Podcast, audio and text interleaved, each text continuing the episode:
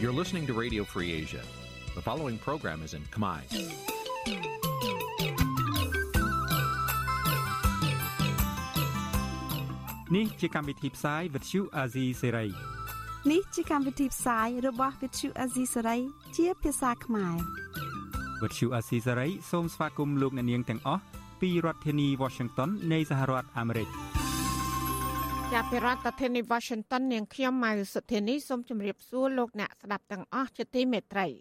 ចាយើងខ្ញុំសូមជូនការផ្សាយសម្រាប់ព្រឹកថ្ងៃប្រហោះ11កើតខែអាសត់ឆ្នាំខាលចត្វាស័កពុទ្ធសករាជ2566ហើយដល់ត្រូវនឹងថ្ងៃទី6ខែតុលា គ្រិស្តសករាជ2022ជាកិច្ចចាប់ផ្ដើមនេះនាងខ្ញុំសូមអញ្ជើញលោកអ្នកនាងកញ្ញាស្ដាប់ព័ត៌មានប្រចាំថ្ងៃដែលមានមេត្តាដូចតទៅ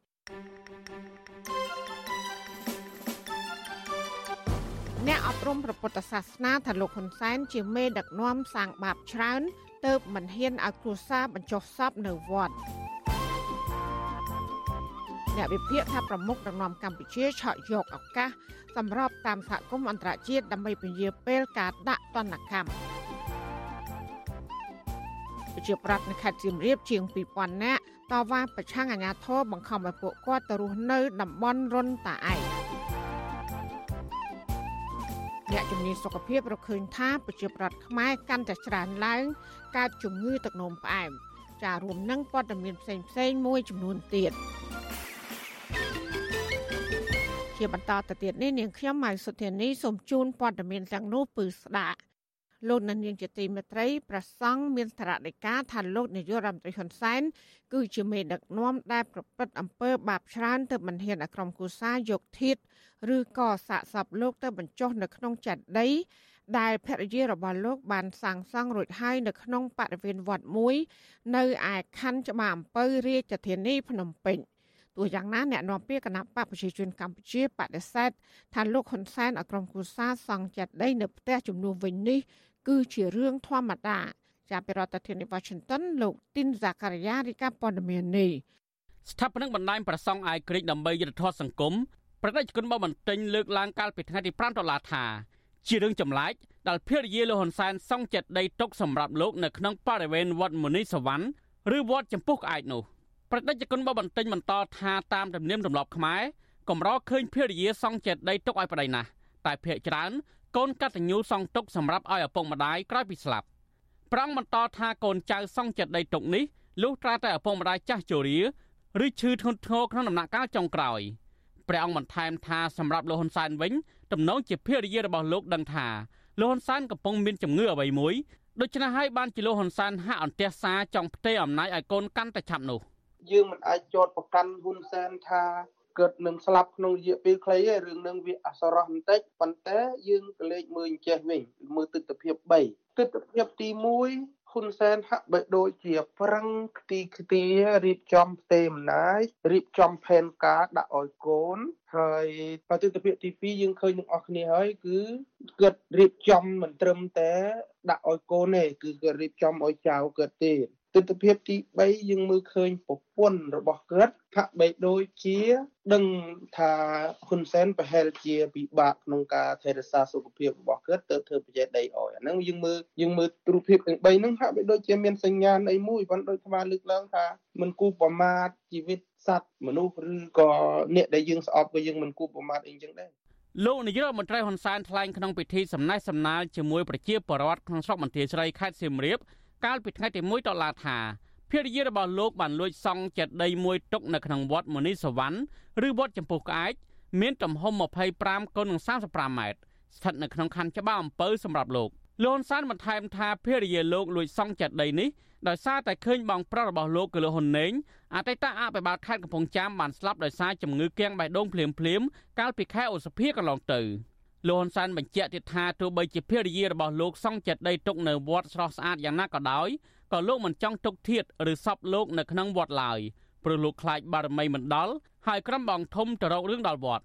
យោងលើអបិយជំនឿខ្ញុំអត់ហ៊ានដាច់ខាតហើយអត់ហ៊ានទេតាមស្រួលបារមីយើងទៅដល់ហ្នឹងគឺខ្មោចពលឹងយើងហ្នឹងគឺត្រូវគឺជន់កនៅក្នុងប្រោយបារមីមិនដល់កុំលេងកុំលេងខ្ញុំអត់លេងទេណាខ្ញុំប្រាប់ប្រពន្ធខ្ញុំ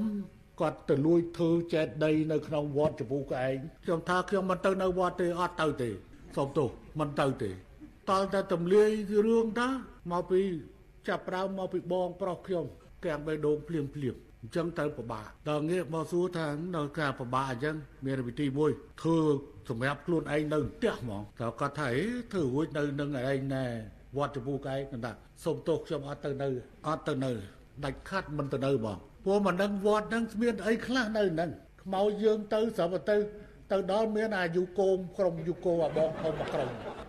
ទោះបីជាបែបនេះក្តីអ្នកប្រពុទ្ធសាសនាលើកឡើងថាលន់សានលើកពីបារមីមិនដល់នេះគ្រាន់តែជារឿងបាត់បង់អំពីការភ័យខ្លាចរបស់លោកតែប៉ុណ្ណោះលោកហ៊ុនសែនមិនត្រឹមតែខ្លាចក្នុងពេលលោកនៅមានជីវិតនៅឡើយនេះទេ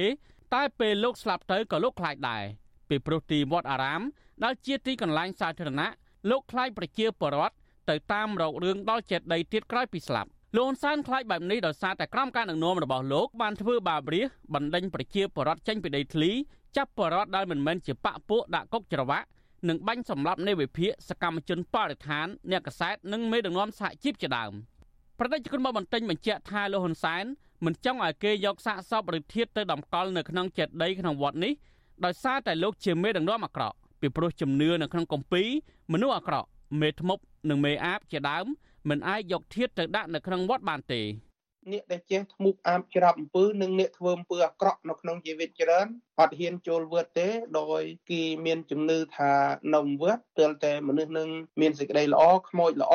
បើនៅមនុស្សក៏មនុស្សល្អទៅជាខ្មោចក៏ខ្មោចល្អមិនមែនជាខ្មោចអាក្រក់ដែលទៅដល់ទីនោះហើយពួកស្ដេចយមរាជដែលគេនៅក្នុងវត្ត ពួកខ្មោចពួកបាយសាច់ដែលនៅក្នុងវត្តគឺមានរឹតដើម្បីកម្ចាត់ទៅជាមួយនឹងពួកអ្នកដែលបានធ្វើពួកខុសឆ្គងកើតពីនៅរស់ខ្លាចជាខ្មោចក៏ទៅយាយីគ្នាក្នុងវត្តទៀតហ៊ុនសែនគឺគិតជានឿប្រភេទនោះប៉ុណ្ណាកលែងទាំងអស់ហ្នឹងมันមានសម្ដែងពញ្ជាក់ថាខ្មោចចងពីគ្នាទេប៉ុន្តែធ្លាប់មាននៅក្នុងគម្ពីរពុទ្ធសាសនាចែងថាស្ដេចយមរាជគេនិកបញ្ជាអូ ដាច់យមរាជនឹងអ្នកចាប់អ្នកដែលបានធ្វើបាបនឹងបោះខ្ទះធ្នត់អីចឹងទៅចាប់ដុតទង្រួអីចឹងទៅមានប្រេតខ្លះនឹងប្រេតជារូបភ្លើងអីចឹងទៅប្រេតភ្លើងអីទៅឃើញរបស់ចំណៃគូទទួលទានក៏ចាប់មកឆេះទៅជាភ្លើងអានឹងមាននៅចេញនៅក្នុងគម្ពីរពុទ្ធសាសនាប៉ុន្តែត្រង់ថាខ្មោចជើងកាងខ្មោចយូកូមអត់មាននៅក្នុងគម្ពីរទេទោះជាយ៉ាងណាអ្នកនាំពាក្យគណៈបកប្រជាជនកម្ពុជាលោកសុកអេសានអះអាងថា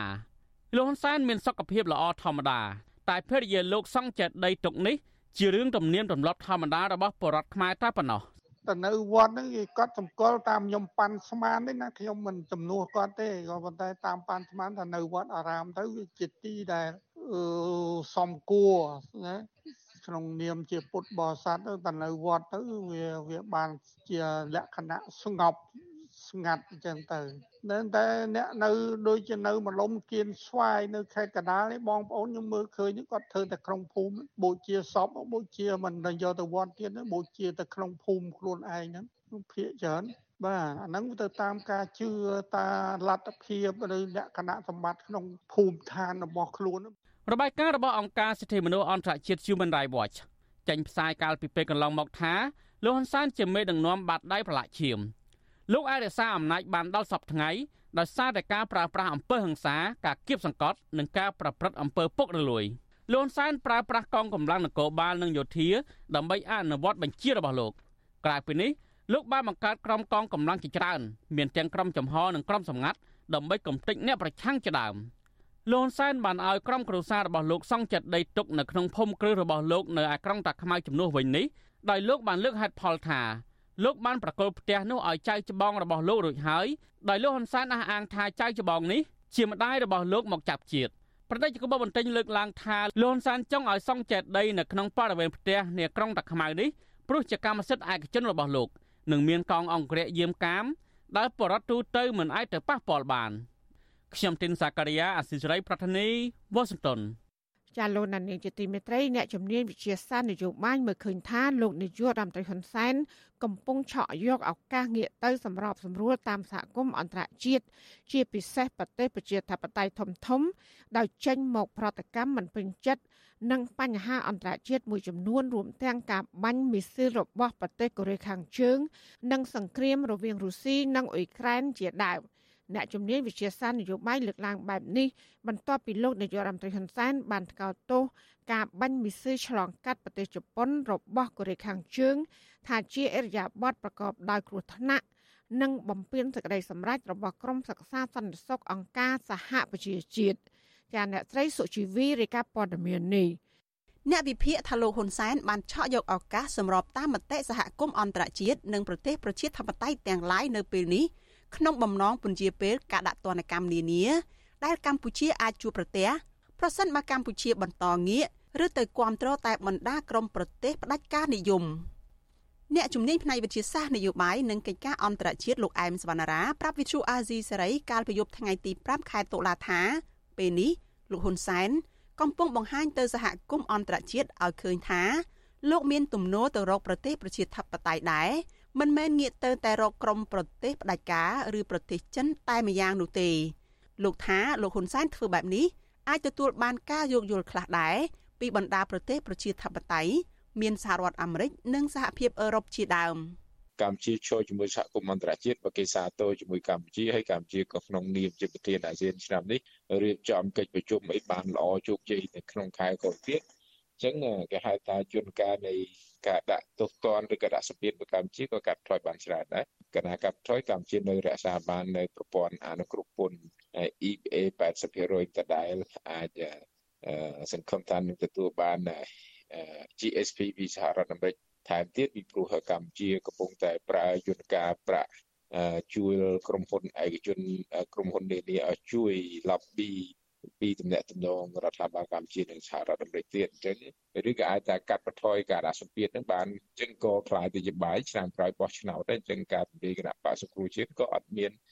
សម្ពាធឬក៏ទោសទណ្ឌអីពីសហគមន៍អន្តរជាតិច្រើនទេបាទ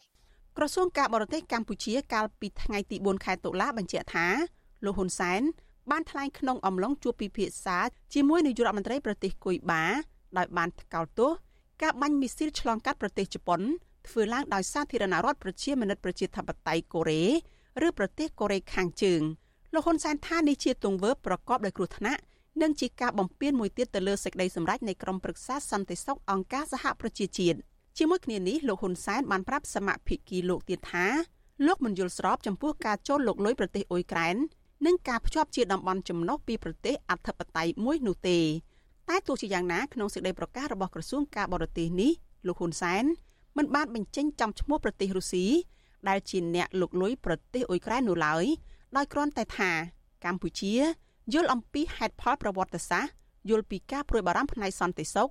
និងភាពស្មុគស្មាញនៃបញ្ហាសង្គ្រាមនៅប្រទេសអ៊ុយក្រែននេះការលើកឡើងរបស់លោកហ៊ុនសែននេះគឺភ្លាមភ្លាមក្រោយអគ្គលេខាធិការអង្គការសហប្រជាជាតិលោកអង់តូនីញ៉ូហ្គូតេរ៉េសបានថ្កោលទោសការបាញ់មីស៊ីលនេះចំណែកប្រធានាធិបតីអាមេរិកលោកโจ Biden និងនាយករដ្ឋមន្ត្រីជប៉ុន លោក Fumio Kishida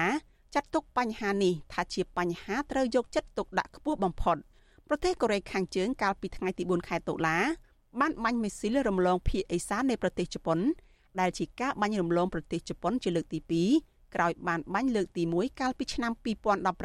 2017បើទោះជាយ៉ាងណាអ្នកជំនាញផ្នែកវិទ្យាសាស្ត្រនយោបាយមើលឃើញថាប្រសិនបើលោកហ៊ុនសែនពិតជាយកចិត្តទុកដាក់បញ្ហាទាំងនេះ លោកគួរតែយកចិត្តទុកដាក់ដោះស្រាយបញ្ហាធ្លាក់ចុះប្រជាធិបតេយ្យនិងសិទ្ធិមនុស្សនៅកម្ពុជាទៅតាមអនុសាសន៍របស់អង្គការសហប្រជាជាតិនិងសហគមន៍អន្តរជាតិផងដែរក៏តែខ្ញុំគិតថាវាមិនអាចគេចផុតទេបើសិនបើអឺរដ្ឋាភិបាលកម្ពុជាមិនឆ្លើយតបទៅនឹងអ្វីដែលសហគមន៍អន្តរជាតិលើកឡើងដូចជាការឲ្យអនុវត្តទៅតាមគោលការណ៍ច្បាប់សិទ្ធិមនុស្សអង្គការសហប្រជាជាតិបើកលំហសេរីភាព ប្រជាធិបតេយ្យនិងសិទ្ធិនយោបាយរបស់អ្នកនយោបាយឡើងវិញទេខ្ញុំគិតថានៅតែជួបឧបសគ្គអញ្ចឹងក៏ប៉ុន្តែគាត់ថាវាអាចអូសបន្លាយពេលវេលាបានរដ្ឋាភិបាលក្រោមការដឹកនាំរបស់លោកហ៊ុនសែនរងការរិះគន់ថាបានរំលោភបំពានសិទ្ធិមនុស្សនិងបំផ្លាញប្រជាធិបតេយ្យជាប្រព័ន្ធចាប់តាំងពីបានរំលាយគណៈបកប្រឆាំងគឺគណៈបកសង្គ្រោះជាតិកាលពីឆ្នាំ2017មកមកដល់ពេលនេះរដ្ឋាភិបាលនេះរងសម្ពាធជាច្រើននៅក្នុងនោះរួមទាំងគម្រោងដកហូតប្រព័ន្ធអនុគ្រោះពន្ធទាំងស្រុងពីសហភាពអឺរ៉ុប និងសហរដ្ឋអាមេរិករួមនឹងទណ្ឌកម្មអន្តរជាតិមួយចំនួនទៀតប្រសិនបើរដ្ឋាភិបាលនេះមិនងាកមកស្ដារប្រជាធិបតេយ្យនិងសិទ្ធិមនុស្សឡើងវិញទេនោះនាងខ្ញុំសុជីវី Vithu Azizi Saray ពីរដ្ឋធានី Washington thank you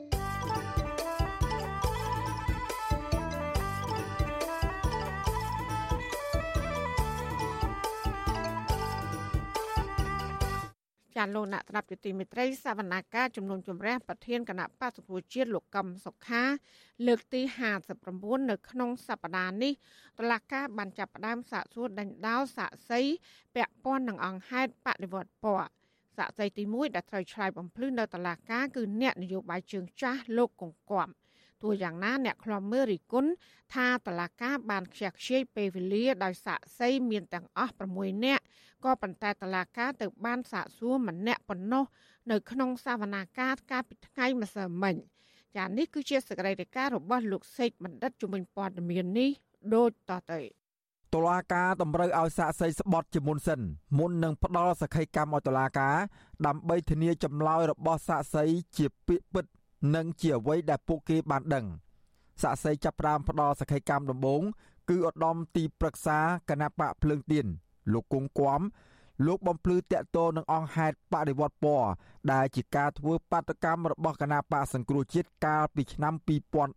2013មេធាវីការពីក្តីលោកកម្មសខាម្នាក់គឺលោកមេធាវីច័ន្ទជេនឲ្យដឹងក្រោយការបញ្ចប់សវនាការថា ការផ្ដល់ចម្លើយរបស់លោកគង់គំ ក្នុងតុលាការគឺផ្ដល់ផលប្រយោជន៍ដល់សំណុំរឿងនេះ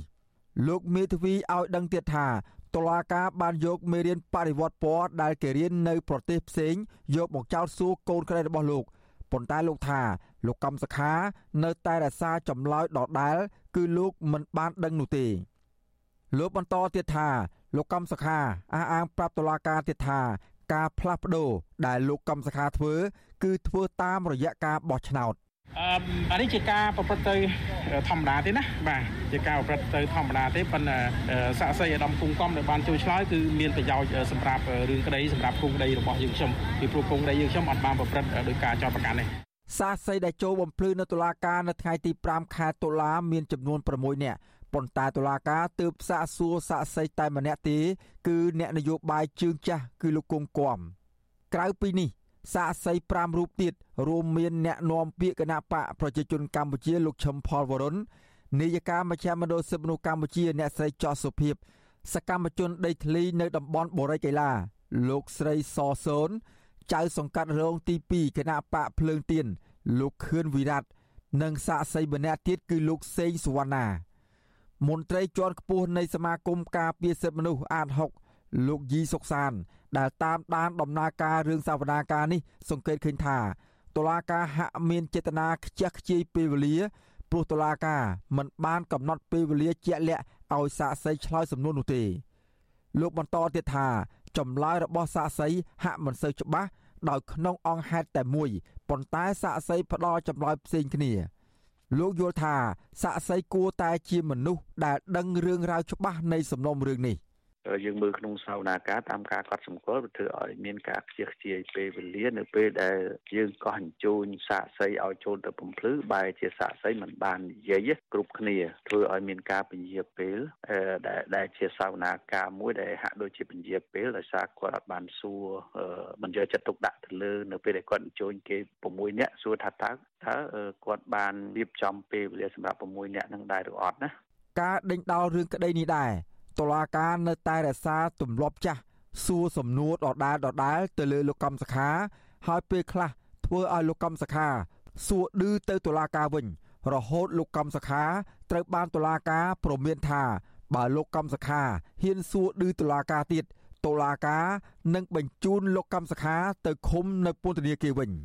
មន្ត្រីសិទ្ធិមនុស្សលោកយីសុកសានយល់ថា ការព្រមានរបស់តុលាការគឺជាការគម្រាមកំហែងលោកកំសខា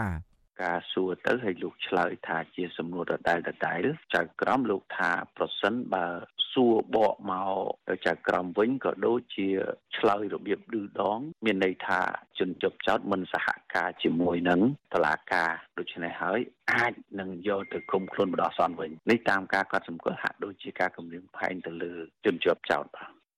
អ្នកឃ្លាំមើលសវនាការម្នាក់ទៀតគឺប្រធានបណ្ដាញយុវជនកម្ពុជាហៅកាត់ថា CYN លោកអវ៉ាន់រិះគន់ថាទោះតុលាការបានសួរដេញដោលលោកកំសខាជាច្រើនសប្តាហ៍មកហើយក្តីប៉ុន្តែដល់ដំណាក់កាលនៃការកោះហៅសាកសីមកបំភ្លឺនៅតុលាការនៅតែបានចំណាយពេលវេលាសួរទៅលោកកំសខាច្រើនដដែលលោកបារម្ភថាបើតុលាការមិនពន្លឿននីតិវិធីជំនុំជម្រះនេះទេនឹងធ្វើឲ្យលោកកម្មសខាខកខានចូលរួមប្រគល់ប្រជែងការបោះឆ្នោតឆ្នាំ2023ខាងមុខ យើងមើលឃើញថាវាគឺជាការចំណាយពេលដ៏យូរមែនទែននៅក្នុង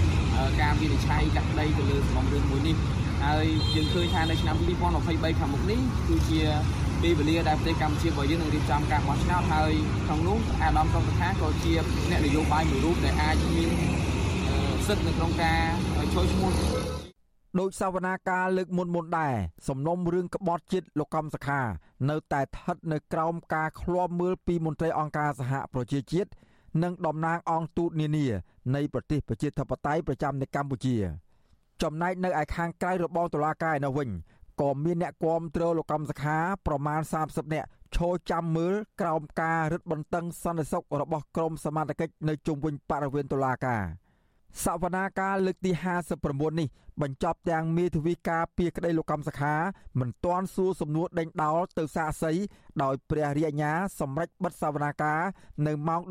12:30នាទីថ្ងៃត្រង់តុលាការនឹងបន្តសាកសួរសាកសីផ្សេងទៀតនៅក្នុងសវនាការលើកទី60នៅថ្ងៃទី12ខែតុលាខាងមុខដែលជាថ្ងៃបើកសវនាការពេញមួយថ្ងៃទាំងពេលព្រឹកនិងពេលល្ងាចខ្ញុំបាទសេកបណ្ឌិត វុទ្ធុអាស៊ីសេរីពីរដ្ឋធានីវ៉ាស៊ីនតោនចាលោកនាងជាទីមេត្រីនាយករដ្ឋមន្ត្រីគូបាលោកម៉ាណូអែលម៉ារ៉េរ៉ូគ្រូសបានដឹកនាំគណៈប្រតិភូជាន់ខ្ពស់មកដល់ប្រទេសកម្ពុជាហើយកាលពីរសៀលថ្ងៃទី4ខែតុលាក្នុងដំណើរទស្សនកិច្ចផ្លូវការរយៈពេល3ថ្ងៃដើម្បីពង្រឹងនិងពង្រីកទំនាក់ទំនងព្រមទាំងកិច្ចសហប្រតិបត្តិការទ្វេភាគីរវាងប្រទេសទាំងពីរ ដំណើរទស្សនកិច្ចនេះធ្វើឡើងតាមការអញ្ជើញរបស់លោកហ៊ុនសែនបន្ទាប់ពីលោកបានបំពេញទស្សនកិច្ចនៅប្រទេសគូបាកាលពីពេលថ្មីថ្មីនេះក្នុងអំឡុងពេលទស្សនកិច្ចនេះលោកនាយករដ្ឋមន្ត្រីគុយបាននឹងចូលគាល់ប្របាទសម្ដេចព្រះបរមនាថនរោត្តមសីហមុនីកាលពីថ្ងៃទី5ខែតុលាម្សិលមិញលោកនាយករដ្ឋមន្ត្រីគុយបាក៏បានជួបពិភាក្សាជាមួយលោកហេងសំរិនប្រធានរដ្ឋសភានិងលោកសៃឈុំប្រធានព្រឹទ្ធសភា កាលពីល្ងាចថ្ងៃទី4ខែតុលាលោកនាយករដ្ឋមន្ត្រីគូម៉ាក៏បានជួបពិភាក្សាទ្វេភាគីជាមួយលោកនាយករដ្ឋមន្ត្រីហ៊ុនសែននិងបានអញ្ជើញធ្វើជាសហអធិបតីក្នុងពិធីចុះហត្ថលេខាលើអនុសារណៈយោយោគ្នាលើវិស័យសុខាភិបាលកិច្ចសហប្រតិបត្តិការរវាងវិជាស្ថានជាតិការទូតនិងទំនាក់ទំនងអន្តរជាតិនៃក្រសួងការបរទេសរបស់ប្រទេសទាំងពីរ រដ្ឋាភិបាលកម្ពុជានិងប្រទេសគុយបាបដិញ្ញាបន្តលើកកម្ពស់ទំនាក់ទំនងនិងកិច្ចសហប្រតិបត្តិការរវាងប្រទេសទាំងពីរឲ្យកាន់តែខ្លាំងក្លាថែមទៀតក្នុងវិស័យអប់រំកីឡាវប្បធម៌វិស័យព័ត៌មានពាណិជ្ជកម្មការវិនិយោគនិងវិស័យផ្សេងផ្សេងទៀតចាលោកនាងជាទីមេត្រីក្រោយទៅពីការស្ដាប់ការផ្សាយរបស់វិទ្យុអសីស្រីតាមបណ្ដាញសង្គម Facebook និង YouTube លោកដានៀងកញ្ញាក៏អាចស្ដាប់ការផ្សាយរបស់យើង តាមរយៈរលក ធាតុអាកាសខ្លីឬ short wave ដូចតទៅ ចាប់ពីព្រឹកចាប់ពីម៉ោង5កន្លះដល់ម៉ោង6កន្លះគឺតាមរយៈរលកធាតុអាកាសខ្លី12140 kHz ស្មើនឹងកម្ពស់ 25m និង13715 kHz ស្មើនឹងកម្ពស់ 22m ចាសម្រាប់ពេលយប់វិញគឺចាប់ពីម៉ោង7កន្លះដល់ម៉ោង8កន្លះ គឺតាមរយៈរលកធាតុអាកាសខ្លី9960 kHz ស្មើនឹងកម្ពស់ 30m 12140 kHz ស្មើនឹងកម្ពស់ 25m ហើយនឹង11885 kHz ស្មើនឹងកម្ពស់ 25m ចាសសូមអរគុណ ចាលោកនាងកញ្ញាកំពុងស្ដាប់ការផ្សាយរបស់វិទ្យុអាស៊ីសេរីផ្សាយចេញពីរដ្ឋធានី Washington មន្ត្រីយោធាជាន់ខ្ពស់នៃរដ្ឋាភិបាលលោកហ៊ុនសែនពីររូបបានបង្ហាញការយកឃើញផ្សេងគ្នាចំពោះតនកម្មរបស់សហរដ្ឋអាមេរិកដែលបានដាក់មន្ត្រីកម្ពុជា ក្នុងបញ្ជីខ្មៅមិនអាចជន់ដីសហរដ្ឋអាមេរិកបានចំពោះអ្នកដែលបានជាប់ឈ្មោះក្នុងបញ្ជីខ្មៅរួចហើយត្អូញត្អែថាវិធានការរបស់ប្រទេសមហាអំណាចមួយនេះ គឺអយុត្តិធម៌ចំពោះខ្លួនក៏ប៉ុន្តែមេយោធាដែលនៅមិនទាន់ជាប់ឈ្មោះនៅក្នុងបញ្ជាខ្មៅបាននិយាយផ្កើនទៅសហរដ្ឋអាមេរិកឲ្យដាក់ទណ្ឌកម្មលើខ្លួនកាន់តែលឿនកាន់តែល្អ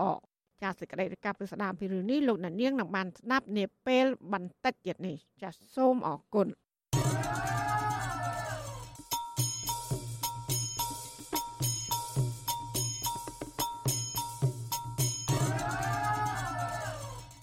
ចាលោកនានីជាទីមេត្រីនៅឯខេត្តសៀមរាបឯនោះវិញប្រជាប្រដ្ឋប្រមាណ2000នាក់មកពីភូមិចំនួន4ក្នុងស្រុកបន្ទាយស្រី កាលពីព្រឹកថ្ងៃទី5ខែតុលាម្សិលមិញបានប្រមូលផ្ដុំគ្នាតវ៉ានៅមុខសាលាឃុំព្រះដាក់ប្រឆាំងនឹងអាញាធរដែលបានបង្ខំឲ្យប្រជាពលរដ្ឋរើលំនៅឋានចេញពីតំបន់អង្គរទៅរស់នៅតំបន់រុនតាឯកពួកគាត់អះអាងថាការបង្ខំឲ្យរស់នៅទីនោះ ប្រៀបដូចជារដ្ឋាភិបាលយកពួកគាត់ទៅបំបរបងចោលដោយមិនផ្ដល់សំណងសំរុំនោះឡើយចាលោកសនចន្ទរដ្ឋាមានសេចក្តីរាយការណ៍ពឹស្ដាជំវិញព័ត៌មាននេះប្រជាប្រដ្ឋនេះរួមមានមកពីភូមិប្រដាក់ភូមិអូតតឹងភូមិថ្នល់តតឹងនិងភូមិថ្នល់បណ្ដោយបាននាំគ្នាប្រឆាំងនឹងសំណាផ្លាប់បដោលំនៅឋាននៅក្នុងសាលាឃុំប្រដាក់ដើម្បីសុំដំណោះស្រាយសំស្របពីអាជ្ញាធរ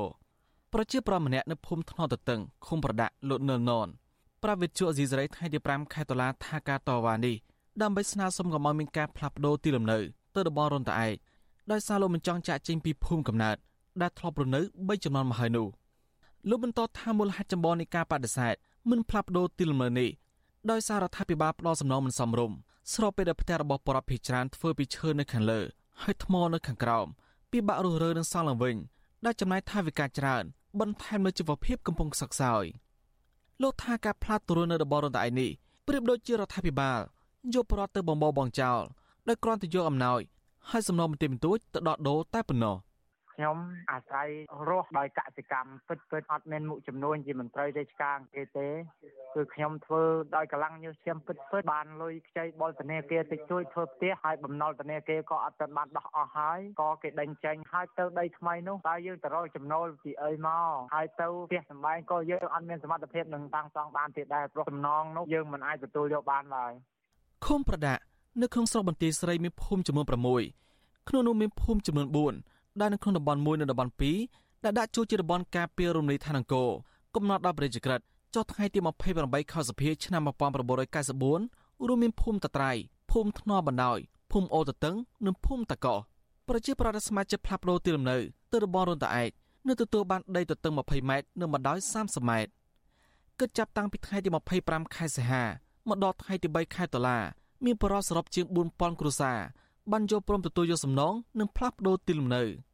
បន្ថែមពីនេះលោកហ៊ុនសែនបានប្រកាសថានឹងផ្ដល់ការឧបត្ថម្ភដំបូងដល់បរិវត្តនេះមានដូចជាមី6កែត្រីខ100កំប៉ុងអង្ករ50គីឡូក្រាមសង្កសី30សន្លឹកហើយតង់មួយមុងខ្នើយភួយកន្ទេលក្រមា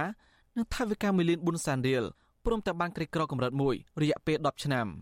បើទោះបីជាយ៉ាងណាការផ្ដល់ជំនួយឧបត្ថម្ភនេះហាក់ទទូចស្ដួយស្ដាងហើយមិនអាចស្ដារជីវភាពនិងការរស់នៅរបស់ប្រជាពលរដ្ឋដើម្បីសង់ទីលំនៅឡើងវិញ ហើយការបាត់បង់មរតកបាននោះទេវិទ្យុអេស៊ីសេរីមិនទាន់អាចតតមេឃុំប្រដាក់លោកភិនថោងនិងអ្នកនាំពាក្យអាជ្ញាធរជាតិអប្សរាលោកលងកសលដើម្បីសុំការបកស្រាយបានទេ នៅថ្ងៃទី5ខែតុលាដោយទូរស័ព្ទហៅចូលតែគ្មានអ្នកទទួលនៅក្នុងសេចក្តីសម្រេចស្តីពីការកំណត់បទដ្ឋាននៃការប្រាស្រ័យដីធ្លី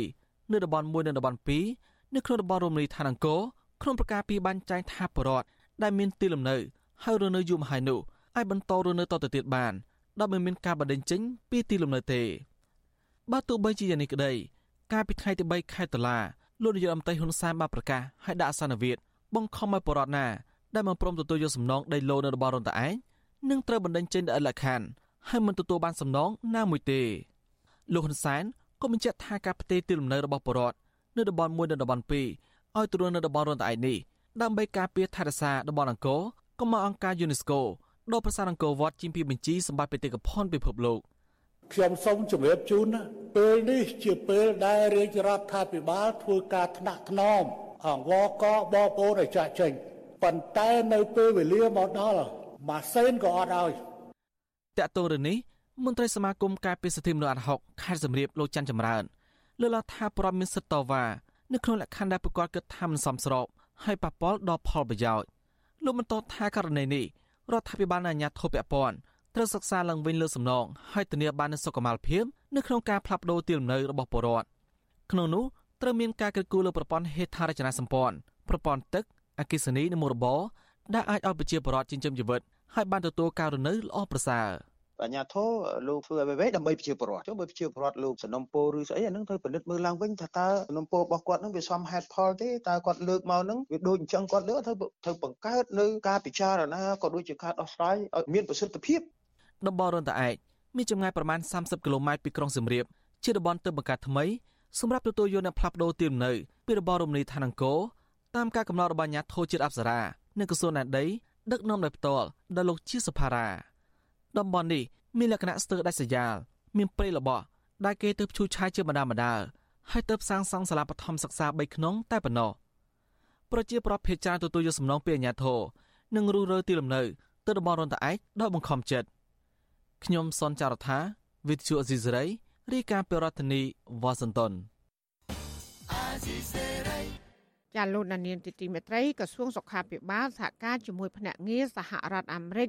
សម្រាប់ការអភិវឌ្ឍអន្តរជាតិថ្មីថ្មីនេះបានបើកយុទ្ធនាការលើកកម្ពស់សុខភាពទូទាំងប្រទេសក្រោមចំណងជើងថារស់ដោយបញ្ញាសុខភាពភ្លឺថ្លា ដើម្បីឲ្យប្រជាពលរដ្ឋមានទម្លាប់ទទួលទានរបបអាហារត្រឹមត្រូវនិងភាពសកម្មនៃរាងកាយក្នុងគោលដៅកាត់បន្ថយអត្រាខ្ពស់នៃអ្នកកើតជំងឺទឹកនោមផ្អែម តើមូលហេតុអ្វីដែលនាំឲ្យប្រជាពលរដ្ឋខ្មែរកាន់តែច្រើនកើតជំងឺទឹកនោមផ្អែមហើយតើមានវិធីណាខ្លះដើម្បីអាចបង្ការជំងឺនេះបានចាសសេចក្តីរាយការណ៍ពីស្ដាមពីរឿងនេះលោកណានៀងក៏នឹងបានស្ដាប់នាពេលបន្តិចទៀតនេះចាសសូមអរគុណ thank you ចាលោកណានៀងជាទីមេត្រីវັດឈុអសីស្រីសូមជូនដំណឹងថាយើងគ្មានអ្នកយកព័ត៌មានប្រចាំនៅប្រទេសកម្ពុជានោះឡើយ បើសិនជាមានជនណាម្នាក់អះអាងថាជាអ្នកយកព័ត៌មានឲ្យវិទ្យុអសីស្រីនៅកម្ពុជានោះគឺជាការក្លែងបន្លំយកឈ្មោះរបស់វិទ្យុអសីស្រី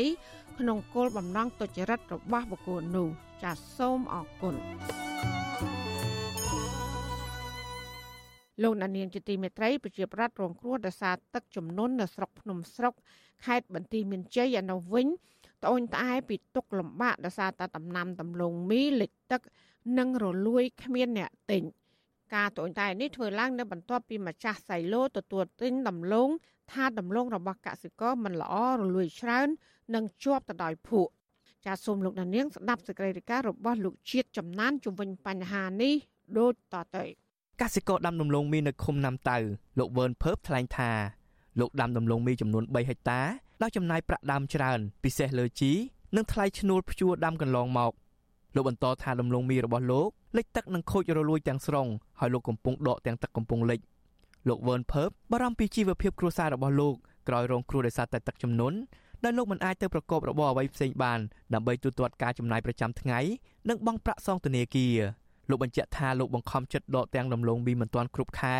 ព្រោះបើបន្តទុកនឹងរលួយគ្មានសល់ វាលិចរលួយស្អុយពេញតែវាលចេះនឹងធ្វើយ៉ាងណាបងព្រោះតែណាតលោកវារលួយស្រោវារលួយតែមិនតែធ្វើរោគអុយវាអើយចូលតែវេទមានតែហើយនេះនេះមកធ្វើរយយ៉ាងណាទៅស្រុកត្រេកក្រវាមើលមើលទៅមែនបានច្រូតទេបងអើយវាលួយអស់លិចវាលិចអស់ទៅហើយមើលទីលសវាមិនទាន់ស្រកវាចេះតែម៉ូហើយម៉ូទៀតម៉ូហើយម៉ូទៀតដល់អាពាកដើមទុនគេទៅចាប់ផោះគេមកដាំដលង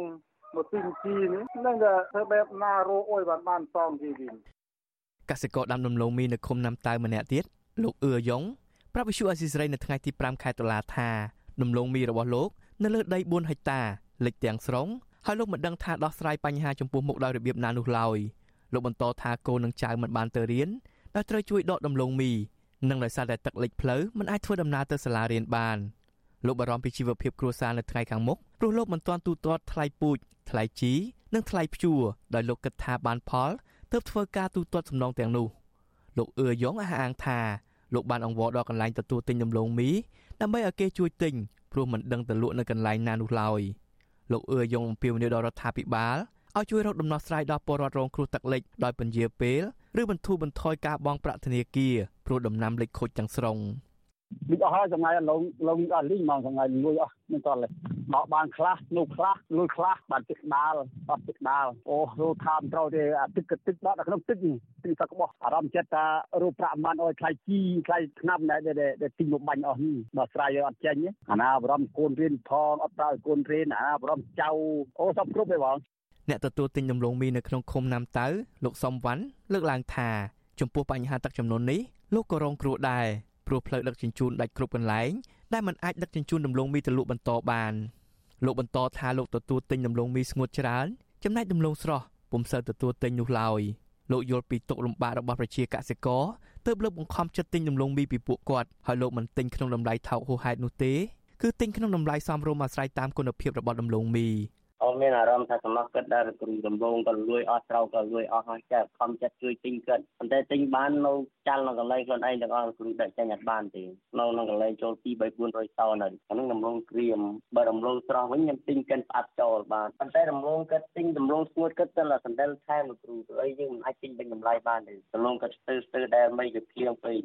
វិសុអស៊ីសេរីមិនអាចតាក់ទងប្រធានមន្ត្រីពាណិជ្ជកម្មខេត្តបន្ទាយមានជ័យលោកពុកឡៃជី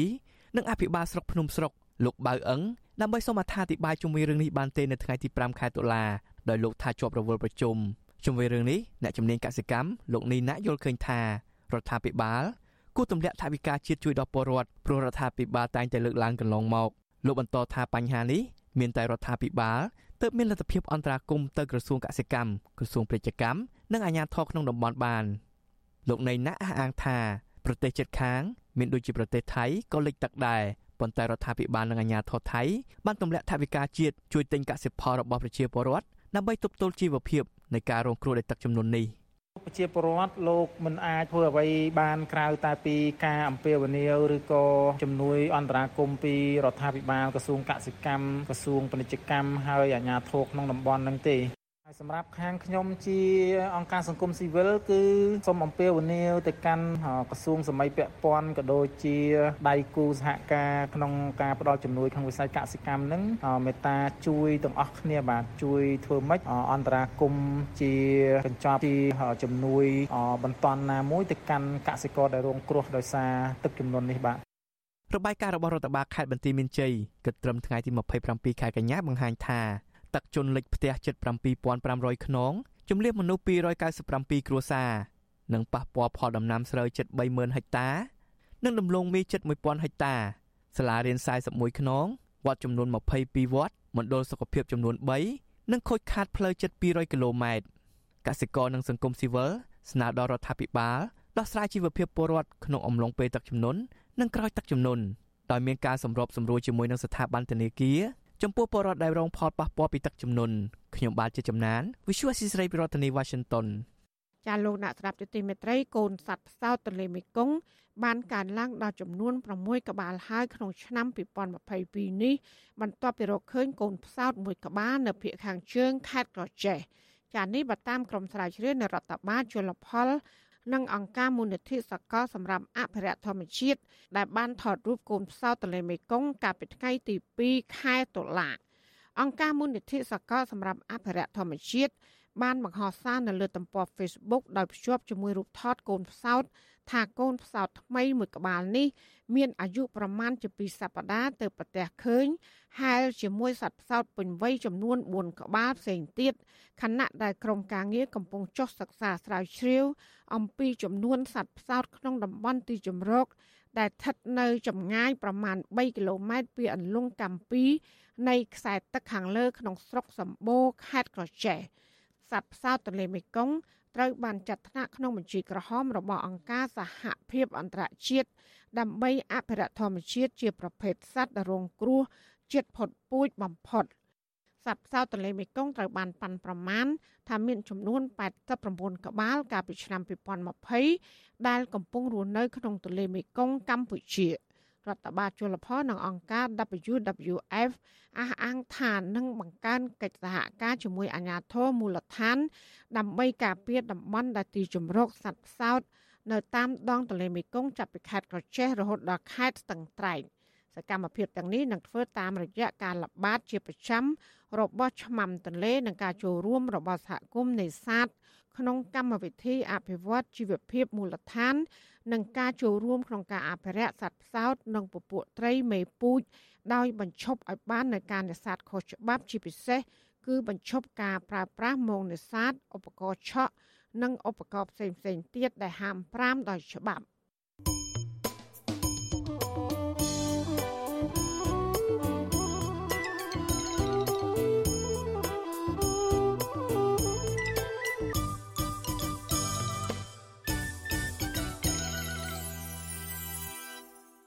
ចាលោកដានៀងជាទីមេត្រីមន្ត្រីជាន់ខ្ពស់នៃរដ្ឋាភិបាលលោកហ៊ុនសែនពីររូប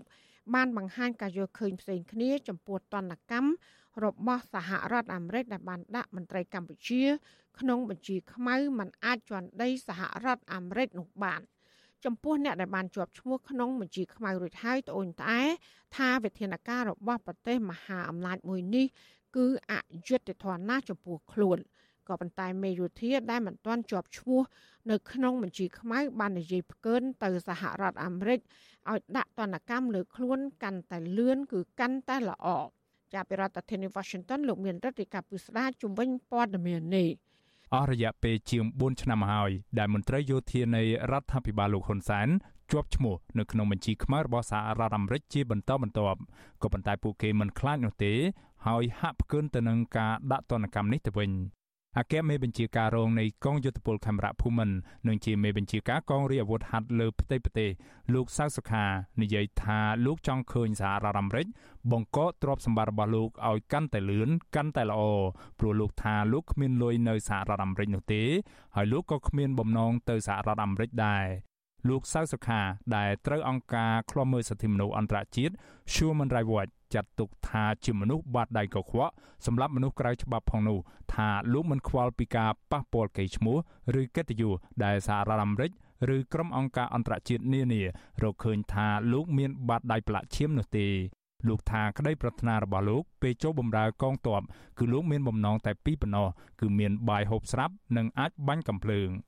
ពេលខ្លះមកសម្លុតខ្ញុំមិនណាដាក់ខ្ញុំជីខ្មៅជីប្រផេះឯណានៅអាមេរិកឯណាគេមកឲ្យចូលអាមេរិកឬមួយគេបកកទ្រព្យសម្បត្តិខ្ញុំប្រាប់ឲ្យ អាមេរិកគេបកកឲ្យលះទៅហើយកុំច្រឡំស្មាខ្ញុំឆ្លាញ់អាមេរិកនឹងខ្ញុំចង់ទៅអាមេរិកនឹងអាមេរិកមិនមែនស្រុកកំណើតម៉ែអើយជ្រុងចតាសៅសុខាទេបងចង់ជម្រាបបងឯងពាក្យថាប៉ះពាល់គេទៅយុះនឹងគេឈ្មោះនឹងងាប់ហើយនឹងគេឈ្មោះនឹងបងឯងយកអាណាពីនឹងបងធ្វើទាហានវាយរបបខ្មែរក្រហមដួលរលំបងអត់ខ្លាចងាប់ខ្លួនផងហើយបើបងធ្វើពិតមែនបងម៉ាក់ធ្វើបាបមែនឲ្យអាទោសដែលបងបានធ្វើហ្នឹងអាទំមើដែលបងធ្វើអាក្រក់ហ្នឹងកិច្ចមិនរួចពីផ្ទះបាញ់ទេកិច្ចមិនរួចពីជាប់គុកទេ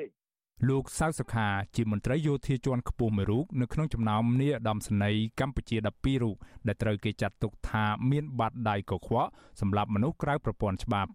របាយការណ៍របស់អង្គការឃ្លាំមើលសិទ្ធិមនុស្សអន្តរជាតិ Human Rights Watch បង្ហាញថារយៈពេលនៃការដឹកនាំរបស់លោកហ៊ុនសែនជិត40ឆ្នាំមកនេះលោកសៅសខាបានសម្លាប់កងទ័ពគណៈបកហ្វុនស៊ិនពេជ្រនៅអំឡុងរដ្ឋប្រហារថ្ងៃទី5និងថ្ងៃទី6ខែកក្កដាឆ្នាំ1997របស់លោកហ៊ុនសែនដែលកាលនោះលោកជានាយករដ្ឋមន្ត្រីទី2ដើម្បីដណ្ដើមអំណាចពីនាយករដ្ឋមន្ត្រីទី1គឺសម្ដេចក្រមព្រះនរោត្តមរណរដ្ឋ មន្ត្រីអង្គការសហប្រជាជាតិផ្នែកសិទ្ធិមនុស្សប្រចាំកម្ពុជាធ្លាប់ឲ្យដឹងថាលោកសៅសុខាបានប្រើប្រាស់ទីស្នាក់ការកងរាជអាវុធហត្ថលើផ្ទៃប្រទេសដែលស្ថិតក្រោមការគ្រប់គ្រងរបស់លោក ជាកន្លែងធ្វើទរណកម្មទៅលើទាហានហ្វុនស៊ិនប៉ិចដែលស្មោះត្រង់ទៅនឹងសម្ដេចក្រមព្រះនរោត្តមរណរដ្ឋ រីឯមន្ត្រីយោធាជាន់ខ្ពស់នៃរដ្ឋាភិបាលលោកហ៊ុនសែនម្នាក់ទៀតគឺមេបញ្ជាការនៃកងអង្គរៈលោកហ៊ុនសែនលោកហ៊ីងប៊ុនហៀងលើកឡើងដែរថាលោកសោកស្ដាយដែលសហរដ្ឋអាមេរិកដាក់លោកចូលក្នុងបញ្ជីខ្មៅដោយពេលមុនមុនដែរលោកហ៊ីនប៊ុនហៀងអះអាងទៀតថាអ្វីដែលលោកបានធ្វើនោះគឺអនុវត្តតាមបទបញ្ជាពីថ្នាក់លើតែប៉ុណ្ណោះ។ naja shaafu kamin waga onaan ana pu amin on ara afsa on afsa rama mm ona yo de toa me se ma ya tane me po wen tane si mam di da pu me asi e wa mm ona afsa on afsa afsa ma on pu the da bon ana wa tam bon chia ba ka ke ka to ka bi chia to la o to so ka bi chia ta pa na ngan pu che le ba na pu ja ra ona សោះអត់សោះមកអូនពូធ្វើតែបនអនុវត្តតាមបនជាបាទកញ្ចការក្នុងការពិជាតិធ្វើល្អទៅសរការពិជាតិតែប៉ុណ្ណឹងអានឹងពូចេះតែលើប៉ុណ្ណឹងពូអត់ចេះដែរអូនណាសហរដ្ឋអាមេរិកបានដាក់មេកងអង្គរៈលោកហ៊ុនសានគឺលោកហ៊ីងប៊ុនហៀងចូលក្នុងបញ្ជីខ្មៅដែលត្រូវបង្កកទ្រព្យសម្បត្តិក្រោមច្បាប់ Global Magnitsky Act កាលពីឆ្នាំ2018 សហរដ្ឋអាមេរិកបានរកឃើញថាមេយោធារូបនេះបានរំលោភសិទ្ធិមនុស្សធ្ងន់ធ្ងរនៅក្នុងរយៈពេលជាច្រើនឆ្នាំចុងក្រោយមកនេះរួមទាំងប្រើអំពើហិង្សានៅឆ្នាំ2013នៅក្បែរវត្តភ្នំ និងអំពើហិង្សាវាយដំតំណាងរាជគណៈបពប្រឆាំងពីររូបនៅមុខរដ្ឋសភាជាតិកាលពីឆ្នាំ2015 លោកហ៊ីងប៊ុនហៀងក៏ជាប់ពាក់ព័ន្ធទៅនឹងអំពើហិង្សានៅក្នុងការបង្ក្រាបលើក្រុមអ្នកតវ៉ានិងសកម្មជនគណៈបពប្រឆាំងដូចជាករណីបោកគ្រាប់បែកលើក្រុមអ្នកតវ៉ាអហិង្សាកាលពីឆ្នាំ1997ដែលបានបណ្ដាលឲ្យមនុស្សស្លាប់និងរបួសជាច្រើនអ្នករួមទាំងរបួសជនជាតិអាមេរិកមួយរូបផង ជុំវិញរឿងនេះមន្ត្រីផ្នែកសិទ្ធិមនុស្សសង្កេតឃើញថាអស់រយៈពេលជាង4ឆ្នាំមកនេះមន្ត្រីយោធាកម្ពុជាដែលជាប់ឈ្មោះក្នុងបញ្ជីខ្មៅរបស់សហរដ្ឋអាមេរិកមិនបានកែប្រែខ្លួននោះទេប្រធានអង្គការសម្ព័ន្ធភាពការពារសិទ្ធិមនុស្សកម្ពុជាហៅកាត់ថាច្រាក់លោករស់សថាព្រួយបារម្ភថាការមិនព្រមអើពើនិងមិនព្រមកែខ្លួនរបស់ក្រុមឧត្តមសេនីយ៍ទាំងនោះនោះនឹងបង្កគ្រោះថ្នាក់ដល់ជាតិ លោកយល់ថានៅពេលខាងមុខសហគមន៍អន្តរជាតិឬសហរដ្ឋអាមេរិកអាចនឹងពិនិត្យសាររើមើលឡើងវិញ ហើយបើមើលឃើញថាគ្មានការវិវត្តណាមួយល្អនោះទេនោះសហគមន៍អន្តរជាតិអាចនឹងដាក់ទណ្ឌកម្មមកលើមន្ត្រីកម្ពុជា កាន់តែធ្ងន់ធ្ងរបន្ថែមទៀត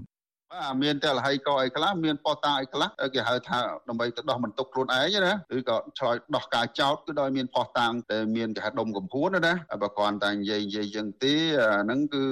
អាចថាជាការលូកចិត្តខ្លួនឯងទៅដឹងខ្ញុំខ្លាចតែជាគ្រាន់តែការលូកចិត្តខ្លួនឯងព្រោះបាប់អន្តរជាតិដូចបារាំងឬអីគេនេះណាខ្ញុំព្រួយបារម្ភជំនួសពួកគាត់ដដែលទេប៉ុន្តែបើគាត់មិនព្រួយបារម្ភអាហ្នឹងជារឿងស្ថានភាពរបស់គាត់ ស្រដៀងគ្នានេះដែរអ្នកនាំពាក្យសមាគមការពារសិទ្ធិមនុស្សអាត6លោកសឹងសានករណាសង្កេតឃើញថាបញ្ហារំលោភសិទ្ធិមនុស្សនៅកម្ពុជានៅមិនទាន់ដោះស្រាយផង ស្រាប់តែពេលនេះកើតមានបញ្ហាជួញដូរមនុស្សថែមទៀតនៅកម្ពុជាមន្ត្រីសិទ្ធិមនុស្សរូបនេះចង់ឃើញក្រុមមន្ត្រីដែលជាប់ទណ្ឌកម្មគួរតែទទួលស្គាល់កំហុសរបស់ខ្លួន ជាជាងការឆ្លើយដោះសារ យើងដើម្បីកុំឲ្យមានការហួសពេលទៅលើការស្ដារហ្នឹងគួរតែបញ្ញាបញ្ញាលសិក្សាពិនិត្យមើលឫសគល់នឹងឲ្យមែនទែនជៀសវាងយើងគ្រាន់តែនិយាយឲ្យតែរួចម្ដងម្កាលហ្នឹងហើយធ្វើឲ្យប៉ះពាល់ទៅដល់ផលប្រយោជន៍ដល់សង្គមជាតិទៅដល់សេដ្ឋកិច្ចរបស់ប្រជាពលរដ្ឋដែលអាចនឹងប៉ះពាល់នៅពេលដែលមានវិធានការអន្តរជាតិនាពេលខាងមុខបន្តទៀតហ្នឹងបាទ គិតមកដល់ពេលនេះមន្ត្រីយោធាជាន់ខ្ពស់កម្ពុជាសរុបចំនួន4នាក់រួមទាំងមេឈ្មោះជួញដូរព្រៃឈើរបស់កម្ពុជាម្នាក់បានជាប់ឈ្មោះនៅក្នុងបញ្ជីខ្មៅរបស់សហរដ្ឋអាមេរិកអ្នកទាំងនោះរួមមានមេកងអង្គរៈលោកហ៊ុនសែនគឺលោកហ៊ីងប៊ុនហៀងអនុប្រធានទី1នៃគណៈកម្មាធិការជាតិគ្រប់គ្រងគ្រោះមហន្តរាយនាយឧត្តមសេនីយ៍គុណគីមអគ្គមេបញ្ជាការរងនៃកងយុទ្ធពលខេមរៈភូមិន្ទនិងជាមេបញ្ជាការកងទ័ពជើងទឹកនាយឧត្តមនាវីទាវិញ និងអគ្គនាយកនៃអគ្គនាយកដ្ឋានសម្ភារៈបច្ចេកទេសនៃក្រសួងការពារជាតិគឺនាយឧត្តមស្នេហ៍ចៅភិរុនព្រមទាំងឈ្មោះបំផ្លាញព្រៃឈើល្បីឈ្មោះគឺអង្គញាត្រីភិបការដាក់ទណ្ឌកម្មនេះរួមមានការបង្កកទ្រព្យសម្បត្តិដែលពួកគេអាចមាននៅសហរដ្ឋអាមេរិកនិងការរដ្ឋបិទទឹកតការមិនឲ្យពួកគេនិងសមាជិកក្រុមគ្រួសារសាច់ញាតិបង្កើតរបស់ពួកគេអាចធ្វើដំណើរមកជន់ដីសហរដ្ឋអាមេរិកបាន ទណ្ឌកម្មនេះក៏ហាមប្រាមមិនឲ្យជនជាតិឬក្រុមហ៊ុនអាមេរិកទាំងអស់រកស៊ីឬធ្វើប្រតិបត្តិការសាច់ប្រាក់ពាក់ព័ន្ធដោយផ្ទាល់ឬប្រយោលជាមួយបុគ្គលកម្ពុជាទាំងនោះឡើយអ្នកវិភាគនយោបាយលោកកឹមសុខយល់ថាមូលហេតុដែលមន្ត្រីយោធាទាំងនោះមិនព្រមកែប្រែខ្លួនព្រោះពួកគេអាងលោកហ៊ុនសែនជាខ្នងបង្អែកចំណែកឯលោកហ៊ុនសែនក៏ត្រូវការមន្ត្រីបាត់ដៃកខ្វក់ទាំងនោះដើម្បីជួយការពារការអំណាចរបស់លោកដែរ លោកកឹមសុខបន្តទៀតថានៅពេលខាងមុខអាចនឹងមានមន្ត្រីជាន់ខ្ពស់នៃរដ្ឋាភិបាលលោកហ៊ុនសែនជាច្រើនរូបទៀតប្រឈមទៅនឹងទណ្ឌកម្មអន្តរជាតិ ការបកស្រាយរបស់ឧត្តមសេនីយ៍សាវសុខាក្តីឧត្តមសេនីយ៍ហ៊ីងប៊ុនហៀងក្តីវាគ្រាន់តែជាការអះអាងដែលគ្មានផ្លូវដោះស្រាយក៏ប៉ុន្តែគឺជាការនិយាយដោះសារពីព្រោះពួកគាត់រអិលធ្លាក់ធ្ងន់ពេកទៅក្នុងការពាក់ព័ន្ធនឹងអំពើម៉ាហ្វីយ៉ាលាងលុយកខ្វក់នៅប្រទេសកម្ពុជាការរំលោភរដ្ឋធម្មនុញ្ញរំលោភអំណាចហើយនឹងការខុបខិតជាមួយនឹងកងទ័ពបរទេសជាពិសេសចិនដែលមានការសង្ស័យនៅកងទ័ពជើងទឹកសមុទ្ររៀម ចាប់តាំងពីរដ្ឋាភិបាលលោកហ៊ុនសែនរំលោភសិទ្ធិមនុស្សនិងដើរខុសគន្លងប្រជាធិបតេយ្យក្រោយការរំលាយគណៈបកសង្គ្រោះជាតិលុបបំបាត់សារព័ត៌មានឯករាជ្យនិងធ្វើទុកបុកម្នេញទៅលើសកម្មជនសិទ្ធិមនុស្សសកម្មជននយោបាយសហភាពអឺរ៉ុបបានកាត់ផ្តាច់ប្រព័ន្ធអនុគ្រោះពន្ធ EBA ចំនួន20%ពីកម្ពុជា ចំណែកសហរដ្ឋអាមេរិកឯណោះវិញក៏នៅមិនទាន់បន្តផ្តល់ការអនុគ្រោះពន្ធ GSP ឲ្យកម្ពុជានៅឡើយដែរ មន្ត្រីសង្គមស៊ីវិលបារម្ភថាការមិនភ្ញាក់រលឹករបស់មន្ត្រីយោធាកម្ពុជានៅពេលនេះអាចនឹងបណ្ដាលឲ្យមន្ត្រីដែលរងទណ្ឌកម្មនោះប្រឈមនៅទណ្ឌកម្មកាន់តែខ្លាំងថែមទៀតហើយនឹងធ្វើឲ្យកម្ពុជាខូចប្រយោជន៍កាន់តែច្រើនថែមទៀតខ្ញុំបានមេរិត Visual C ស្រីរាយការណ៍ពីរដ្ឋធានី Washington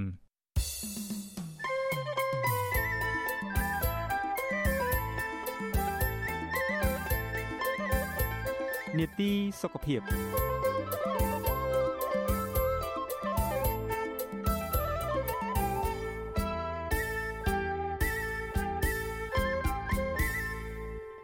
ចាលោកដានៀងកញ្ញាកំពុងស្ដាប់ការផ្សាយរបស់វិទ្យុអសីស្រីផ្សាយចេញពីរដ្ឋធានី Washington ចានាយកដ្ឋានការពារសុខភាពនៃក្រសួងសុខាភិបាលសហការជាមួយភ្នាក់ងារសហរដ្ឋអាមេរិកសម្រាប់ការអភិវឌ្ឍអន្តរជាតិកាលពីពេលថ្មីថ្មីនេះបានបើកយុទ្ធនាការលើកកម្ពស់សុខភាពនៅទូទាំងប្រទេសក្រោមចំណងជើងថារស់ដោយបញ្ញាសុខភាពភ្លឺថ្លាចាយុទ្ធនាការនេះគឺដើម្បីលើកកម្ពស់ការទទួលទានរបបអាហារត្រឹមត្រូវ និងភាពសកម្មនៃរាងកាយក្នុងគោលដៅកាត់បន្ថយអត្រាខ្ពស់ នៃអ្នកកើតជំងឺទឹកនោមផ្អែមតើមូលហេតុអ្វីដែលនាំឲ្យប្រជាពលរដ្ឋខ្មែរកាន់តែច្រើនកើតជំងឺទឹកនោមផ្អែមហើយគេមានវិធីណាខ្លះដើម្បីអាចបង្ការជំងឺនេះបានចានៅក្នុងនេតិសុខភាពប្រចាំសប្តាហ៍នេះនាងខ្ញុំសូមរាយការណ៍ជូនពុស្ដាជំនាញរឿងនេះដូចតទៅអ្នកជំនាញសុខភាពឲ្យដឹងថាជំងឺទឹកនោមផ្អែមគឺជាជំងឺរ៉ាំរ៉ៃនិងជាឃាតករសម្រាប់ជីវិតមនុស្សដោយស្ងៀមស្ងាត់ ដែលអត្រាអ្នកស្លាប់ជាង80%គឺស្ថិតនៅក្នុងប្រទេសដែលប្រជាប្រដ្ឋមានប្រាក់ចំណូលទាបឬក៏មធ្យមលោកវិជ្ជបណ្ឌិតគួចមេលីម្ចាស់មជ្ឈមណ្ឌលសុខភាពសិស្សមេលី J គួច និងជាវិជ្ជបណ្ឌិតជំនាញឯកទេសសុខាភិបាលសាធារណៈមានប្រសាសន៍ប្រពន្ធស៊ីស្រីថាមូលហេតុដែលបណ្ដាអបរដ្ឋខ្មែរកាត់ជំងឺទឹកនោមផ្អែមកើនឡើងគឺដោយសារការទទួលទានរបបអាហារមិនត្រឹមត្រូវប្រៃពេកផ្អែមពេក ទទួលទានស្រាច្រើនពេកនិងខ្វះការហាត់ប្រាណដោយសារយើងញ៉ាំខុសក្បួនបាយហ្នឹងវាច្រើនពេកសបូ carbohydrate អញ្ចឹងវាធ្វើឲ្យយើងងាយនឹងឡើងគីឡូហើយចិត្តស្ករច្រើនហើយចំពោះសាច់នៅស្រុកខ្មែរយើងចូលចិត្តតែញ៉ាំសាច់ដែលថាសាច់ជ្រូកមិនសូវញ៉ាំត្រីទេអញ្ចឹងណាគឺច្រើនញ៉ាំខ្លាញ់ហើយនៅអត់ទាន់ដឹងថាខ្លាញ់ជ្រូកហ្នឹងវាមហាគ្រោះថ្នាក់ដូច្នេះហើយនេះជាកត្តាហានិភ័យច្រើនចឹងការញ៉ាំប្រៃ ការញ៉ាំខ្លាញ់ហើយការញ៉ាំផ្អែមហើយវប្បធម៌ខ្មែរគឺញ៉ាំផ្អែមខ្លាំងណាស់ទាំងម្ហូបហើយទាំងញ៉ាំផ្អែមចឹងខ្លាញ់ប្រៃផ្អែមជាតិបាយច្រើនស្រាហើយនឹងបារីទាំងអស់នោះគឺជាគ្រឿងក្រៅដែលនាំឲ្យគ្រោះថ្នាក់ដល់ជីវិតដែលបង្កកើតឡើងឲ្យមានទឹកនោមផ្អែមហ្នឹងប្រធានសមាគមគ្រូពេទ្យទឹកនោមផ្អែមនិងក្រពេញនៅកម្ពុជាលោកសាស្ត្រាចារ្យកុយវណ្ណី ថ្លែងក្នុងសខាសាលាស្ដីពីការគ្រប់គ្រងជំងឺទឹកនោមផ្អែមប្រភេទ2កាលពីខែកក្កដាឆ្នាំ2022កន្លងទៅនេះថាបច្ចុប្បន្នអ្នកកើតជំងឺទឹកនោមផ្អែមនៅកម្ពុជា ដែលមានអាយុចន្លោះពី25ឆ្នាំទៅ64ឆ្នាំ គឺមានចំនួនជាង60ម៉ឺននាក់និងមានបរិវត្តជាង60ម៉ឺននាក់ផ្សេងទៀតកំពុងវិវត្តទៅរកកើតជំងឺទឹកនោមផ្អែម លោកអះអាងថាអត្រាអ្នកកើតជំងឺទឹកនោមផ្អែមថ្មីអាចកើនឡើងពី60ម៉ឺននាក់រហូតដល់ទៅ2លាននាក់លោកបន្តថាស្ថិតិអ្នកកើតជំងឺទឹកនោមផ្អែមកាលពីឆ្នាំ2016វិញ គឺមានចំនួនជាង9សែននាក់ហើយបើធៀបកាលពីឆ្នាំ2010គឺមានត្រឹមតែជាង2សែននាក់ចំណែកលោកបច្ចៈបណ្ឌិតគួចមេលីក៏បានគូសបញ្ជាក់ថា បច្ចុប្បន្នអ្នកមានហានិភ័យខ្ពស់កើតជំងឺទឹកនោមផ្អែម ភាគច្រើនមានអាយុចន្លោះពី35ឆ្នាំទៅ40ឆ្នាំដោយសារតែមិនបានយកចិត្តទុកដាក់បង្ការនិងថែទាំសុខភាពឲ្យបានត្រឹមត្រូវបន្ថែមពីនេះលោកថាអ្នកជំងឺទឹកនោមផ្អែមខ្លះទោះបីទទួលសេវាព្យាបាលក៏ដោយក៏មិនអាចគ្រប់គ្រងកម្រិតជាតិស្ករនោះឡើយដែលជាហេតុនាំឲ្យប្រឈមបញ្ហាសុខភាពជាច្រើនផ្សេងទៀតមិនថាចាស់មិនថាក្មេងសរុបមកគឺថាហានិភ័យនឹងការកើតជំងឺផ្អែមគឺច្រើន ហើយបើកើតជំងឺផ្អែមហានិភ័យនឹងការកើតរោគបេះដូងនិងស្ទ្រោកគឺខ្ពស់ហើយអ្នកកើតជំងឺផ្អែមអត់ស្លាប់ដោយសារជំងឺផ្អែមនេះស្លាប់ដោយសារខ្លាំងបេះដូងហើយនិងស្ទ្រោកដោយសារភាគច្រើននៅស្រុកខ្មែរបើសិនធ្លាប់មានជំងឺទឹកនោមផ្អែមពេទ្យមួយចំនួនក៏ព្យាបាលបានដិតដល់ឲ្យថ្នាំទឹកនោមផ្អែមបាត់គ្រប់ហើយក៏អត់បញ្ជូនអ្នកជំងឺហ្នឹងទៅខាងជំនាញបេះដូងឬក៏ថ្លើមទេហើយនឹងភ្នែកទេ ដើម្បីមើលពិនិត្យជំនាញ3 4ហ្នឹងប៉ុន្តែនៅស្រុកខ្មែរពេទ្យមួយចំនួនក៏អត់ refer ទេដោយសារគាត់ខាត់បាត់មួយតាក់ទងនឹងក្តីបារម្ភពីការកើនឡើងខ្ពស់នៃអ្នកកាត់ជំងឺទឹកនោមផ្អែមនៅកម្ពុជានេះនាយកដ្ឋានការពារសុខភាពនៃក្រសួងសុខាភិបាល បានសហការជាមួយភ្នាក់ងារសហរដ្ឋអាមេរិកសម្រាប់ការអភិវឌ្ឍអន្តរជាតិ USAID បានបើកយុទ្ធនាការលើកកម្ពស់សុខភាព ដែលមានចំណងជើងថារស់ដោយបញ្ញាសុខភាពភ្លឺថ្លាគោលបំណងសំខាន់នៃយុទ្ធនាការនេះគឺលើកទឹកចិត្តដល់ប្រជាប្រដ្ឋខ្មែរឲ្យបង្កើតទម្លាប់ថ្មី នៃការបរិភោគអាហារនិងភាពសកម្មរាងកាយដើម្បីកាត់បន្ថយជំងឺទឹកនោមផ្អែមនិងជំងឺលើសសម្ពាធឈាមដោយប្រើប្រាស់ប្រព័ន្ធបណ្ដាញសង្គមនិងសកម្មភាពចុះទៅមូលដ្ឋានគ្រូពេទ្យជំនាញឯកទេសសុខាភិបាលសាធារណៈ លោកវិជ្ជបណ្ឌិតគួចមេងលីសង្កត់ធ្ងន់ថាប៉ះសិនបើគ្មានការណែនាំនិងការផ្សព្វផ្សាយឲ្យបានទូលំទូលាយពីផលវិបាកធ្ងន់ធ្ងរនៃជំងឺទឹកនោមផ្អែមនោះទេពលរដ្ឋកាន់តែច្រើនបន្ថែមទៀតនឹងកើតជំងឺទឹកនោមផ្អែមហើយដែលបញ្ហានេះបណ្ដាលឲ្យចំណាយប្រាក់កាសច្រើនសម្រាប់សេវាព្យាបាលសុខភាព នៃជំងឺរ៉ាំរ៉ៃមួយនេះហើយនឹងផលវិបាករបស់វា លោកបន្តថាដើម្បីកាត់បន្ថយហានិភ័យខ្ពស់ នៃជំងឺទឹកនោមផ្អែមប្រជាពលរដ្ឋត្រូវតែកាត់បន្ថយការញ៉ាំបាយច្រើនមកញ៉ាំតិចវិញបរិភោគសាច់ត្រីនិងសាច់មាន់ព្រមទាំងបន្លែគ្រប់មុខផ្លែឈើស្រស់ស្រស់ឲ្យបានច្រើន និងទទួលទានទៅដល់គោជាដើមនៅស្រុកខ្មែរគេហៅជំនាន់ឥឡូវជំនាន់អាយុខ្លីបើថាចាស់ចាស់គឺជំនាន់អាយុវែងចាស់ចាស់មានន័យថាបើនៅអាយុ65 70 80ទៅតែជាមកគឺកលៀនគាត់ល្អលំពេងគាត់ល្អសុខភាពគាត់ល្អ ប៉ុន្តែបើយើងធ្វើតេស្តពីអាយុ25ដល់45យើងមើលថាសុខភាពគាត់អន់ខ្សោយមែនតើដោយសារវ័យដែលគាត់កំពុងផឹកស៊ីហើយធ្វើការក្រៅញ៉ាំបាយក្រៅចាំផ្លូវដូច្នេះហើយខ្លាញ់ច្រើនខ្លោចច្រើនប្រៃប្រេងអត់ល្អហើយខ្វះជីវជាតិខ្វះគេហៅមហូបបួមុខនៅក្នុងមហូបហ្នឹងអញ្ចឹងគាត់បំពេញបាយដើម្បីឆ្អែតសុខភាពគាត់ហ្នឹងគឺហានិភ័យមិនត្រឹមតែទំនោមផ្អែមទេគឺ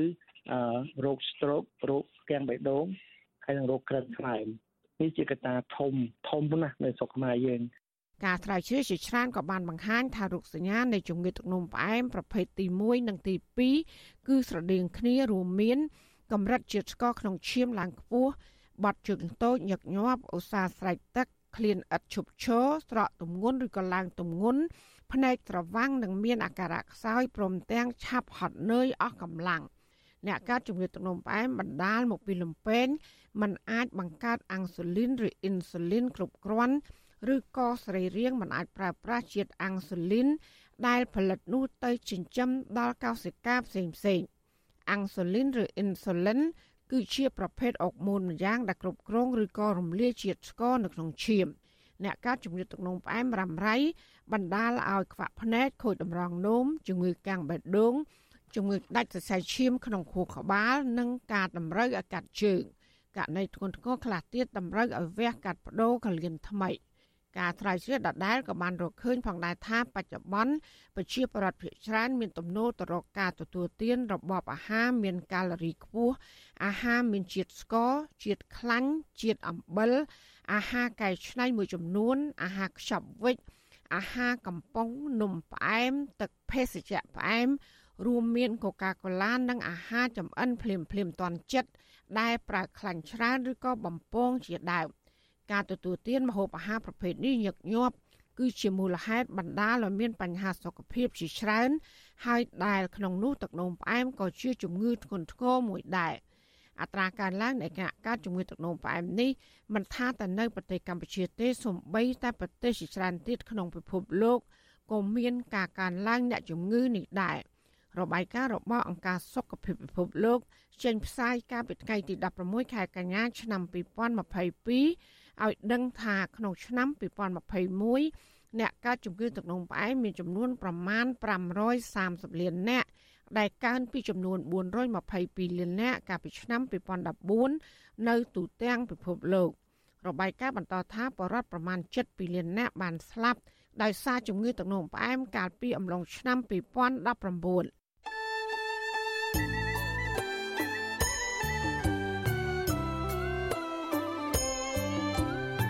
ចាលោកនាងកញ្ញាអ្នកស្ដាប់ជទីមេត្រីកັບផ្សាយរយៈពេល1ម៉ោងនៃវិទ្យុអាស៊ីស្រីជាភាសាខ្មែរនៅពេលនេះចាប់តែប៉ុណ្ណេះ